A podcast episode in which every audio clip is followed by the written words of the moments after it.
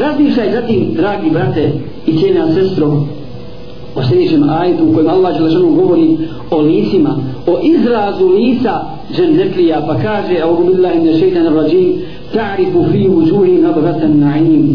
Na lisima njihov, njihovim pre, prepoznaćeš radost, prepoznaćeš radost sretnog života.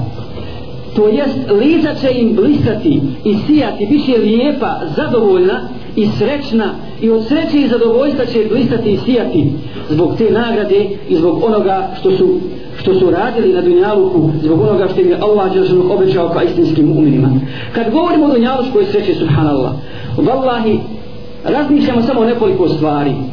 Čovjek na Dunjaluku se pogleda čemu se sve raduje.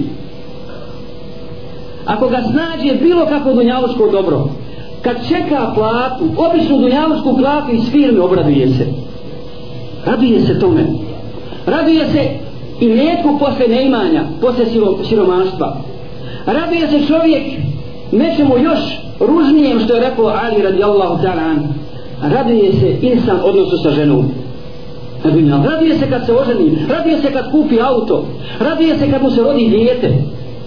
Raduje se tim sitnim dunjavučkim radostima. I često puta se i vjernik izgubi u tim radostima. Izgubi se trenuci kad on zaku, kad, kad, kad, kad, kad, kad, kad, Allah sa onom iskuša tim radostima, s tim dobrom, izgubi se i ne uzu bilila za na svoga gospodara.